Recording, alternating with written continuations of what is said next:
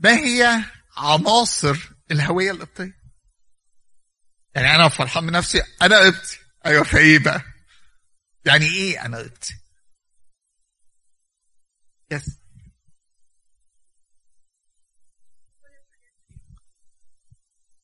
أنا عندي أفكار. okay يعني أنا زي ما أنا قلت أنا عندي خواطر. أول حاجة يعني خليني أقول مجموعة من النقط هنا قبل ما أقول هذه الخواطر. مش لازم يبقى في إجابة موحدة. بمعنى إن ماذا تعني الهوية لكل واحد فينا بيختلف من شخص إلى آخر. ده مقبول ومفهوم. رقم اتنين سوري. بس هو في حاجة يعني بخصوص مثلا الحاجات اللي بتدل على الأكل والشرب والحاجات اللي زي كده. بنشوف مثلا عند باب الهيكل زي البيضة اللي محطوطة دي اللي هي بيضة النعامة. فدي ليها رمز قبطي إن دي آه، بيقال إن ال- النعامة لما بتضع البيضة بتاعتها بتفضل عينيها عليها طول الوقت لحد ما يطلع ال- الفرخ بتاع الخراف الصغير بتاعها. ودي فيها رمز في الهوية القبطية أو للسيد المسيح إن هو دايما عينه على الخراف بتاعته طول الوقت أو عينه علينا طول الوقت. في حاجة تانية برضو السمك يعني أنا بتكلم أنا أنا فاهم ده كله ويعني بيض النعام في ناس بتاكله ومش عارفة ال- السمك في ناس برضو في بتاكله. أي حاجة من دول بره الكنيسة في أي حاجة من دول بره الكنيسة يعني إيه بره الكنيسة؟ مش السؤال. يعني اللي أنا عايز أقوله. إن كل ما نملكه هو داخل أسوار هذه الكنيسة. يبقى في هذه الحالة ال- الإجابة اللي إحنا بنقولها إن الهوية القبطية بس هي هم الكنيسة. في ناس تانية عندهم حاجات تانية بتعني لهم بتعني لهم آه، بتعني لهم أشياء في تراثهم. مثلا سي مثلا لو هنقول التراث الإسلامي عندهم العين الزرقاء والخضراء والخ... وال... وال... والخرزة الزرقاء والحاجات اللي زي كده. الحاجات دي بتمارس في الحياة اليومية. يعني أنا أقدر أقول لكن مثلا أنا سمعت تعليق قبل كده من أب كاهن إن بيقول إن الخرزة الز- الزرقاء دي ده أنا بجلب عين الشيطان ليا. والحاجات اللي فيها color أزرق دي ب... أنا بجلب عين الشيطان ليا. والناس اللي بتلبس اللي هي ال ال ال ال eye of devil برضو دي معناها لما ألبسها في سلسله ده أنا بجلبه بيديني طاقة ليا يعني أنا فأنا- ما عنديش يعني تعليق على. هذا ال- ال- الجزء بتاع يعني ما أعرفش الأب كان ده قال إيه وهو معتمد على إيه في كلامه لكن طب سوري لو حد عايز يتكلم الم-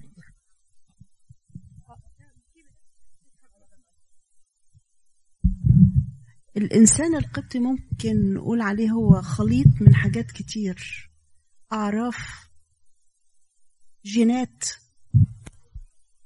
آه، ثقافة معتقدات طبع.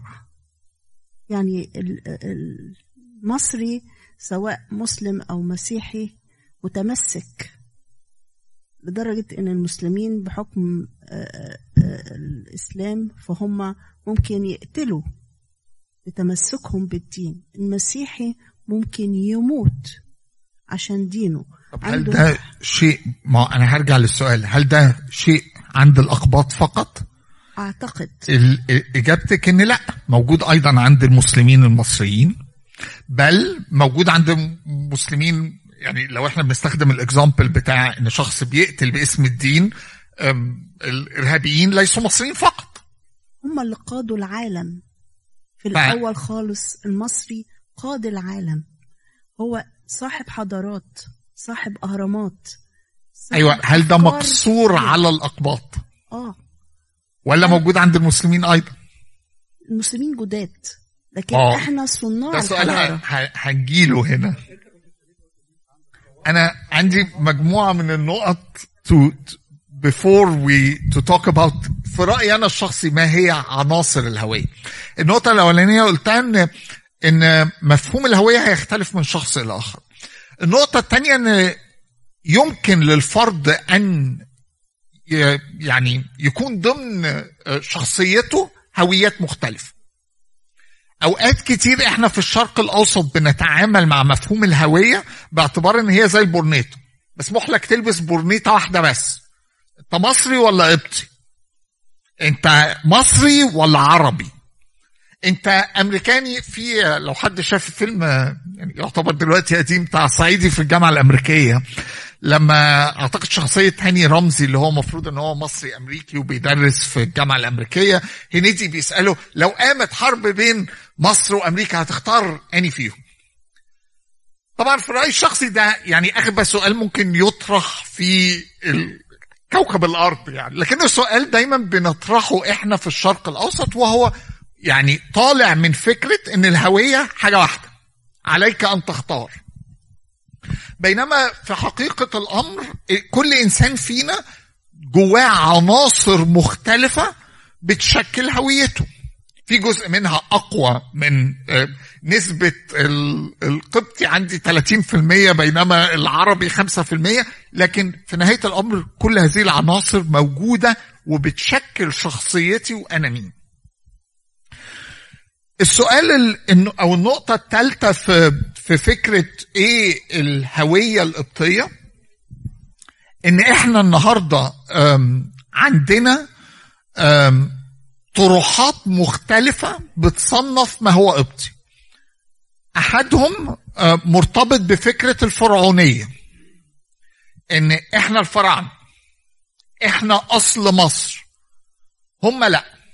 هم بقى دول مين أوقات بتبقى المسلمين أوقات بتبقى تضم أيضا الكاثوليك والبروتستانت إحنا الفراعنة في حقيقة الأمر هذه الفكرة هي فكرة حديثة جدا جدا جدا بمعنى إن الأقباط حين أصبحوا اقباطا حين تشكلت هويتهم في هذه الفترة وتركوا الوثنية وأصبحوا مسيحيين لم يكونوا ينظروا إلى الحضارة المصرية القديمة باعتبار إنها حاجة حلوة خالص.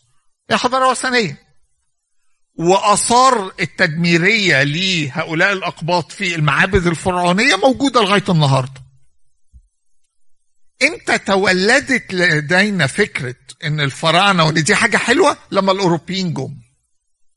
لما الأوروبيين جم وابتدينا نلاقي الغربيين دول مهتمين قوي بهذه الآثار والبتاع فتولدت لأول مرة في مصر فكرة ان دي حاجة كويسة ونفخر بيها قبل كده كانت الآثار الفرعونية مش مهملة بس بل يتم تكسيرها واستخدامها في بناء أمور مختلفة داخل مصر سواء قلعه صلاح الدين أو أو قلعة محمد علي later on كل هذه الأمور ونتيجة بداية هذا الاهتمام الأوروبي ابتدى الأقباط ياخدوا فكرة إن إيه ده إحنا فراعنة. فالفكرة نفسها حديثة. والفكرة إن إحنا فراعنة هتطرح سؤال مهم جدا وماذا ورثتم من الفراعنة؟ يعني لو أنت بتقول أنا فرعوني في إيه بقى؟ أحب أعرف يعني. هل بتعمل نفس العبادات الفرعونية؟ لا. أوقات ظهرت موضة في فترة بنسمي عيالنا أسامي فرعون. رمسيس وبتاع. آه قعدت يومين وانتهت الموضة. لكن إيه في حقيقة الأمر لما أنا بقول أنا فرعوني؟ أيوه في إيه بالظبط؟ سؤال الجينات هو سؤال يعني معقد في العالم كله. أنا بدعي إن أنا أعرف نسل يعني جدودي probably أكتر من أي حد قاعد هنا أنا أقدر أوصل لغاية جدي رقم 11 حد يقدر يوصل لرقم زي ده أوكي لغاية رقم 11 أنا اسمي صمويل يسري تدرس نسيم تدرس من أريوس أنطونيوس من أريوس بدوي بحيري سليمان. لغاية 1650 مثلا. إيه اللي قبل كده؟ ولا أعرف. هل أنا أصلي فرعوني؟ ولا من اليونانيين اللي كانوا عايشين في مصر؟ ولا رومان؟ ولا فرس ما هو مصر عدى عليها حاجات كتير قوي واحتلالات كتير قوي. ولا يهود مصر كان فيها community يهودي رهيب وأهم community يهودي بره اورشليم وأرض إسرائيل. ممكن يكون جدودي من ال يهود اللي امنوا مرقس لما مرقس لما جه بشر أنيانوس كان يهودي. هو انيانوس ده كان مين بس عشان يبقى يعني اللي هو البطرك الثاني كان يهودي. وآمن بالمسيح. طيب. ممكن يكون من أصل عربي بيمحوا من تاريخنا إن هناك قبائل عربية مسيحية. أحد يعني أكبر القبائل العربيه قبل الإسلام كانت مسيحية. ممكن يكون جدي واحد منهم. فالسؤال العرق ونسب الدي ان إيه هو يعني سؤال نظري وليس ان سنس حاجة تثبت. بل إنه اجان بيطرح تعقيدات. هل أبونا مرقس الإسقيطي قبطي ولا لا؟ لو إحنا الموضوع مجرد عرقي. إحنا عندنا نموذج تاريخي لده ممكن نفكر فيه. شعب الله. شعب الله كانوا من المفترض إن هم عرقيا نسل واحد ومجموعة واحدة صح؟ أحد في رأيي أجمل الشخصيات في العهد القديم هي شخصية مش من شعب الله وبتنضم له. رعوف رعوف ليست من شعب الله. كده؟ وبتترك أهلها وبتترك أرضها وبتترك دينها وبتقول إيه؟ إن شعبك شعبي وإلهك إلهي. وبتصبح هي جدة داود ثم جدة كبرى للمسيح. وبتذكر في إنجيل متى؟ مع في ثلاث ستات اللي بيذكروا في نسب المسيح وهي واحدة منهم. والثلاثة أو أكشن أربعة والأربعة عندهم يعني شخصيات مشكلية بالنسبة لليهود. يعني بتذكر ثمار اللي بتزني مع حماها يهوذا وبتذكر رعوث اللي هي مش منهم وهم بيبصوا لها على إن هي خارج شعب الله وبتذكر رحاب الزانية اللي بتدخلهم أريحة وبتذكر التي لأوريا الحثي اللي بيزني معاها داود لكن بعيدا عن تفاصيل قصة راعوث قصة راعوث بتطرح لنا هذا الإكزامبل إن حد من خارج الشعب تماما هي قصة الشخص اللي بينضم لكنيستنا ان سنس ناو مش كل حد مش كل واحدة اتجوزت واحد يهودي أصبحت من شعب الله. رعوث كانت مختلفة. هي نقولها إزاي بالعربي؟ تخلت تماما عن ماضيها وانتمت تماما إلى شعب الله.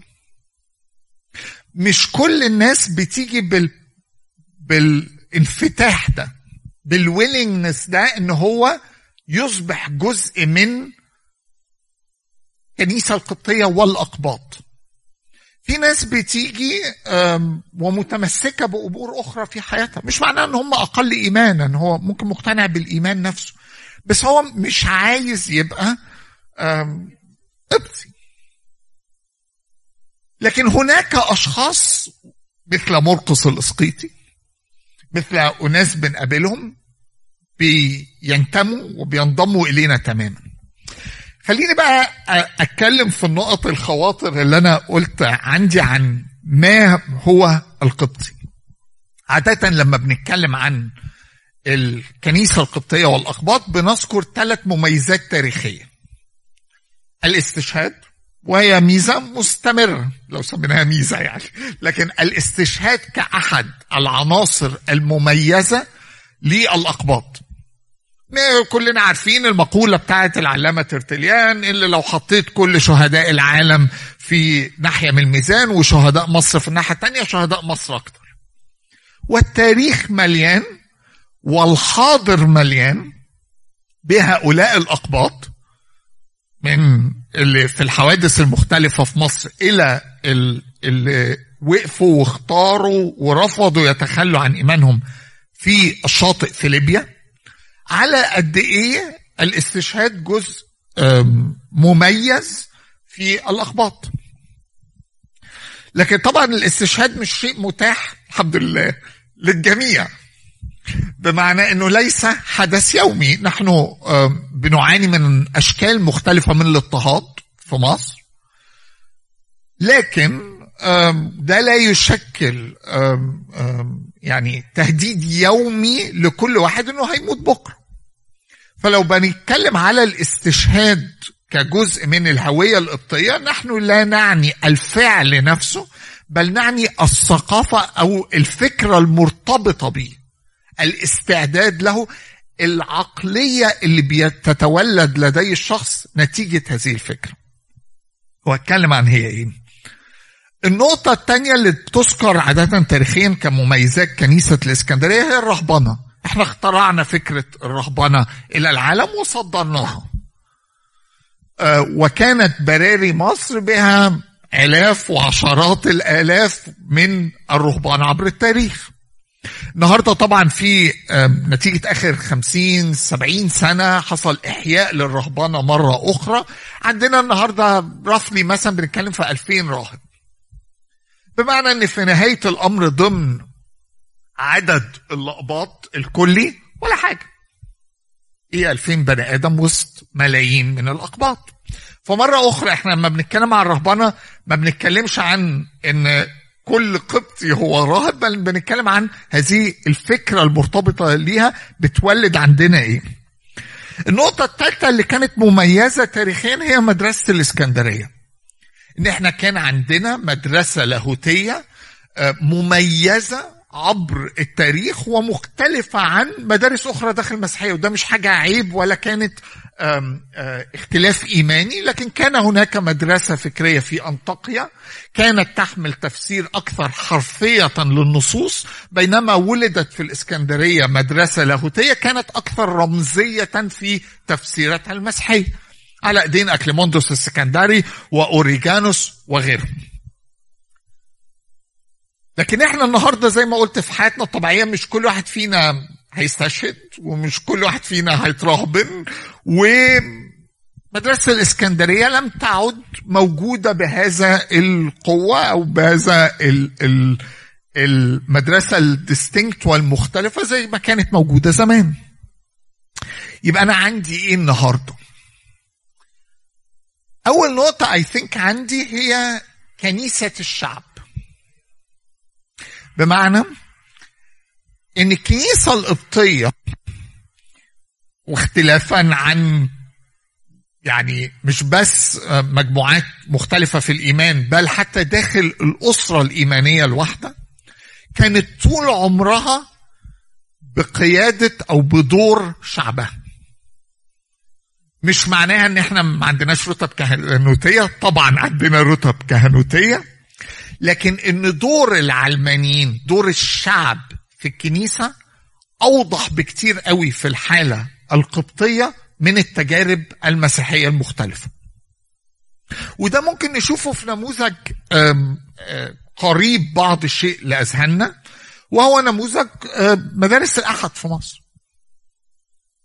بمعنى إن إحنا كان عندنا في تلك الحقبة التاريخية كنيسة في حالة سيئة الكهنوت في حالة سيئة جدا الأديرة القبطية في مآسي بنتكلم على العشرينات والثلاثينات والأربعينات بل مقاومة داخل المؤسسة الكنسية لأي عملية إحياء للكنيسة.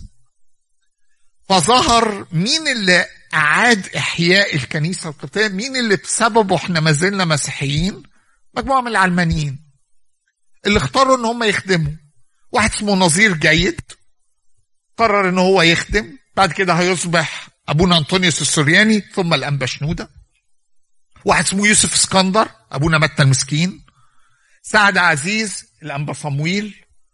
كل هؤلاء الأفراد اللي خلقوا و... وقامت على كتافهم حركة مدارس الأحد في مصر. لم تكن حركة ضمن الإطار الكهنوتي ما كانش لها رئاسة كهنوتية. كانوا مجموعة من العلمانيين اللي أنقذوا الكنيسة من المأساة اللي كانت عايشة وقتها في هذا الوقت. المأساة اللي وصلت إن مجموعة من الأقباط خطفوا البطرك القبطي لإجباره على التنازل الانبا يوساب اللي وصلت فيها إن مرة أخرى يعني إحنا أوقات بنخاف إن إحنا نتكلم على الأمور السيئة في التاريخ لكن ده تاريخ وموجود بل العكس بنشوف عمل ربنا في إخراجنا منه. أه، اللي وصل فيه الوقت إن كانت الأسقفيات بتباع بالفلوس. كان الخادم بتاع البابا يوسف بيبيع الاسقفيات بالفلوس للي عايز يبقى اسقف يدفع أكتر. فهذه المأساة كيف خرجت منها الكنيسة؟ عن طريق الشعب. ربنا طبعا والروح القدس أنا لكن عن طريق الشعب وليس عن طريق رئاسة كهنوتية أو آه، داخل الرتب الكنسية. فالكنيسة القبطية جزء مميز فيها أو عند القباط هو إن إحنا إحنا اللي قايمة علينا هذه الكنيسة. الأقباط هو yes. أنا بطرح آه yes. هو ما فيش definition واضح. لأن أنا لكن عايز-. بعد ما تخلص خواطرك عايز آه، أحط ثلاث خواطر لو هم ممكن يكونوا مفيدين. yes. و... وأنا يعني أنا الهدف أنا مرة تانية أنا جاي هنا. أنا مش جاي هنا بدي facts ولا محاضرة ولا في definition علمي آه، هنحفظه. أنا. لو أنا عندي أي هدف من القعدة دي هو إن أنا أطرح في دماغكم أسئلة تفكروا فيها. إن كل واحد يرجع البيت ويفكر شوية في هذه الأسئلة. مش عشان توصلوا للإجابة بتاعتي عشان إحنا محتاجين نفكر في الأسئلة دي. لو إحنا بنربي ولادنا لو إحنا مهتمين ان إحنا نحافظ على حاجة لازم نبقى عارفين إحنا بنتكلم على إيه. دور. النقطة الثانية اللي I think very distinct عند اللقباط هي فكرة آم، الاستشهاد والرهبنة إزاي دخلت مع بعض لخلق ما أطلق عليه لاهوت الصليب. بمعنى ده بالمناسبة أحد كتب أبونا بشوي كامل. فكرة الصليب كمحور للمسيحية.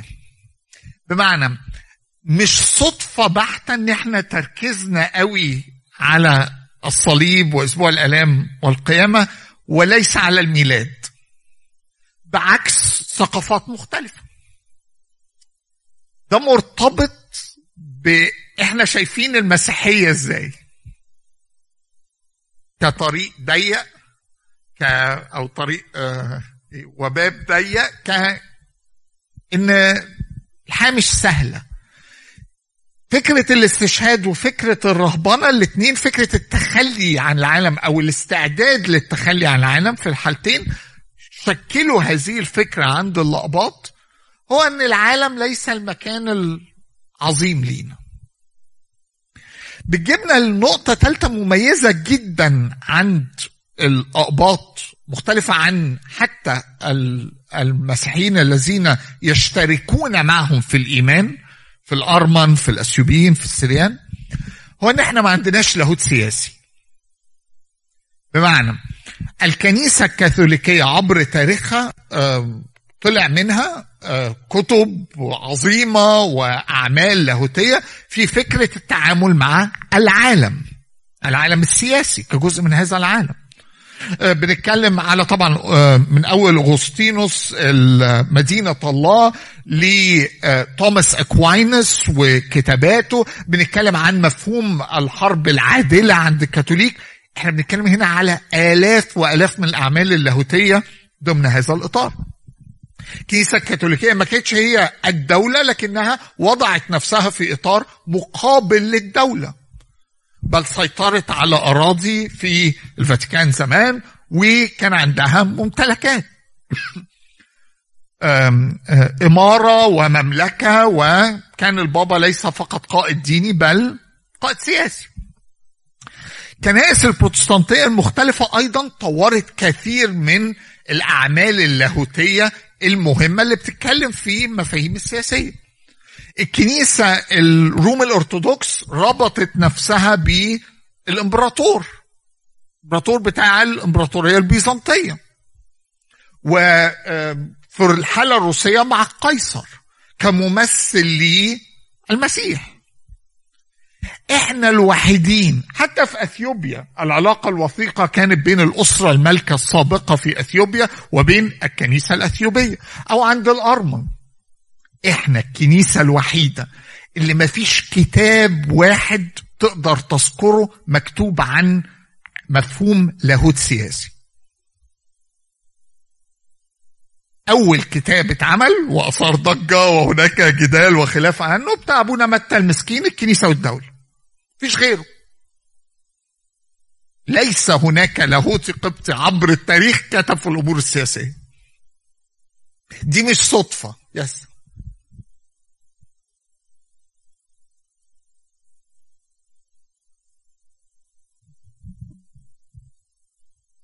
طب الموضوع كده هو يعني بما معناه إن إحنا عايزين نتطور ونتغير هل ده المفروض ولا هنفضل زي ما إحنا؟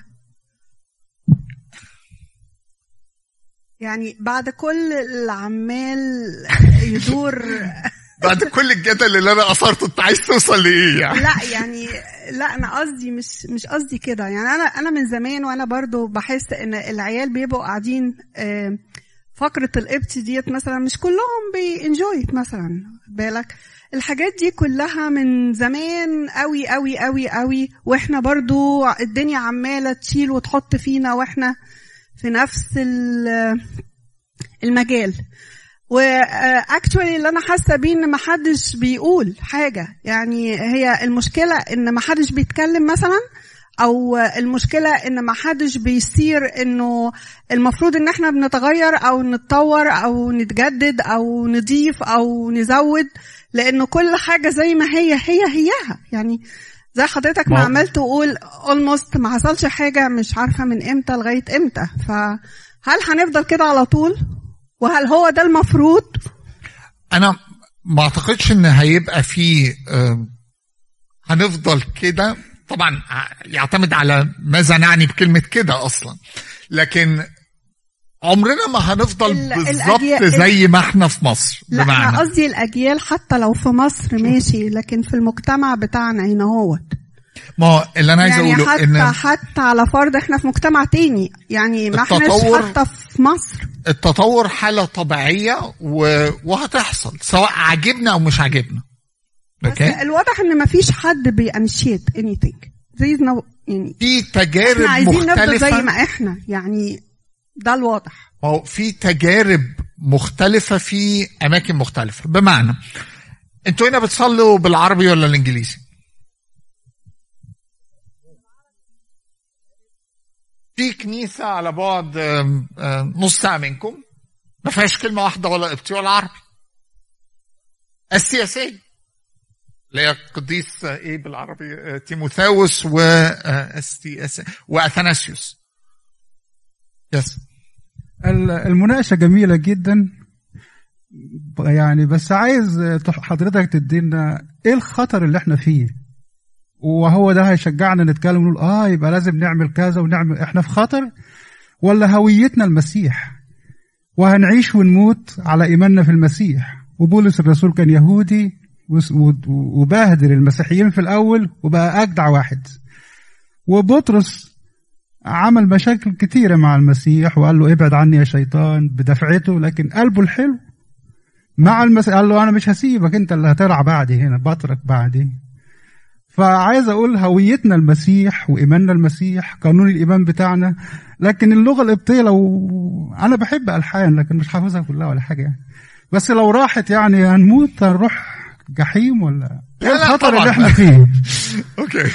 إحنا كانوا بيخوفونا وإحنا عيال في مدارس الأحد. مش كل مدارس الأحد بس كانوا بيخوفوا العيال إن اللي مش هيحفظ قبطي مش هيعرف آه، يرنم في الجنة. لأن في الجنة بيتكلموا قبطي فقط. ف وأنا واثق إن في حض... يعني في ثقافات أخرى كانوا بيستخدموا نفس الأساليب آه، لو ما اتكلمتش يوناني ولو ما عملتش. مرة أخرى. التغيير هيحصل سواء إحنا قابلين ولا لأ. والتغيير حصل أساسا. محدش يقول لي إن هو عايش بالظبط زي ما هو كان عايش في مصر. حتى الأشخاص اللي هم جم من مصر حياتهم اختلفت. وأولادنا مختلفين وأولادهم هيبقوا مختلفين أيضا النقطه الثانية إن التغيير لن يكون بنفس الدرجة في كل مكان. بمعنى إن أنا عندي في منطقة واشنطن دي سي هنا اختلافات في آه، كل كنيسة. يعني أنا مش عايز أطلق أحكام لكن ربما مثلا لو عملت تصنيف هقول إن أكثر كنيسة مصرية هي سانت موسى آه، وأكثر كنيسة ليست مصرية هي STSA في أرلينغتون. وهناك درجات مختلفة في النص. والناس بتختار بتروح في أي مكان ليس فقط هم عايشين فين بل أيضا؟ لارتياحهم للغه وأسلوب الخدمة في هذه الكنائس المختلفة. أنا يعني أنا بدرس وكاتب كتب بالإنجليزي بعرف أتكلم إنجليزي. بس أنا لو عملته فيا إيه؟ ما بعرفش أقول أبانا الذي بالإنجليزي. ما بعرف هي كده. أنا راكبة معايا بالعربي. أنا بقف مع عيالي هم بيقولوها بالإنجليزي أنا ما بعلمش عيالي عربي مثلا. عيالي بيقولوها بالإنجليزي وأنا بقولها بالعربي وأنا واقف معاهم. فكل شخص هيبقى عنده فورميولا مختلفة. لكن خليني قبل ما أدخل في موضوع التغيير والتحديات مجرد أقول أنهي فكرة إيه اللي بيشكل هذه الهوية القبطية إن أنا عندي أيضا تاريخ مشترك. I can relate لهذا الشيء المشترك اللي بيخلي إن الشخص اللي مات على الشاطئ في ليبيا أكني أعرفه. رغم إن أنا عمري ما قابلته. رغم إن هو من صملوط وأنا عمري ما رحت صملوط. ولا آه، ليا أصدقاء من هناك. هناك شيء يجمعنا وبيحسسنا بهذا ال- الهوية المشتركة حتى لو إحنا ما نعرفش بعض. وهو التجربة التاريخية اللي إحنا عبرنا فيها. لما لما بنقول كلمة الاضطهاد إحنا فاهمين إحنا بنتكلم عن إيه. لأن سواء انت جاي من قرية ولا من القاهرة أو من مستويات اجتماعية مختلفة انت أكيد بمريت بتجربة معينة في مصر نتيجة إنك مسيحي. الهوية القبطية اللي إحنا بنحاول اللي أنا بدعي إن هي آه، تستحق الحفاظ عليها. ليست مرتبطة بلغة. إحنا اخدنا القرار ده مش النهارده. اللي فاكر إن إحنا هنتخلى عن لغة النهارده. اللي أخده كان البابا غبريال الثاني غبريال ابن طريق لما قرر إن الصلوات هتتم بالعربي مش بالقبطي أخذ قرار إن الأهم الحفاظ على إيمان الناس وليس لغة معينة. فاللي فاكر إن سؤال اللغة ده سؤال يعني آه، جديد ومرعب وتحدي رهيب لينا النهارده إحنا واجهناه من ألف سنة. سنة 1045 ميلاديا غيروا اللغة عادي خالص. وتبنوا لغة مش لغة بالنسبة لهم مجرد غريبة زي الإنجليزي بالنسبة لنا لغة محتلينهم العربي. لكن أنا النهاردة آه، جاي وبتعامل مع هذه ال ال أو بحاول أحافظ على هذه الهوية القبطية. وسط عالم مختلف. وسط آم، آم، شباب بيتكلم لغة تانية. وسط تحدي بروتستانتي حواليا. أنا في مصر آم، إحنا الكنيسة الأرثوذكسية وفي كنيستين تانيين جماعة الروم الأرثوذكس هنحسبهم منافس يعني. هنا في أمريكا عندي 5000 منافس. ليس كنيسة واحدة عندي طيارات مختلفة. بل عندي أفكار وحاجات في المجتمع آه، مش عايز أستخدم كلمة أنا محمي منها في مصر لأن هي موجودة في أي مجتمع. لكن بسبب هوية مصر الإسلامية هذه الأمور ليست مطروحة بشكل يومي. إحنا يعني واحد يونيو هو اليوم القبطي العالمي شهر يونيو كله هو شهر للبرايد مانث ده مختلف عن وضعي في مصر والتحديات اللي قدامي في مصر. مفهوم الإلحاد مرة أخرى ليس مقصورا على بلد معين وأصبح موجود حول العالم كله لكن obviously التحدي عندي هنا أكبر بكتير. كل ال- التحديات اللي قدامي دي بتطرح سؤال إيه اللي أنا هديه لاولادي وإيه اللي مش هديه؟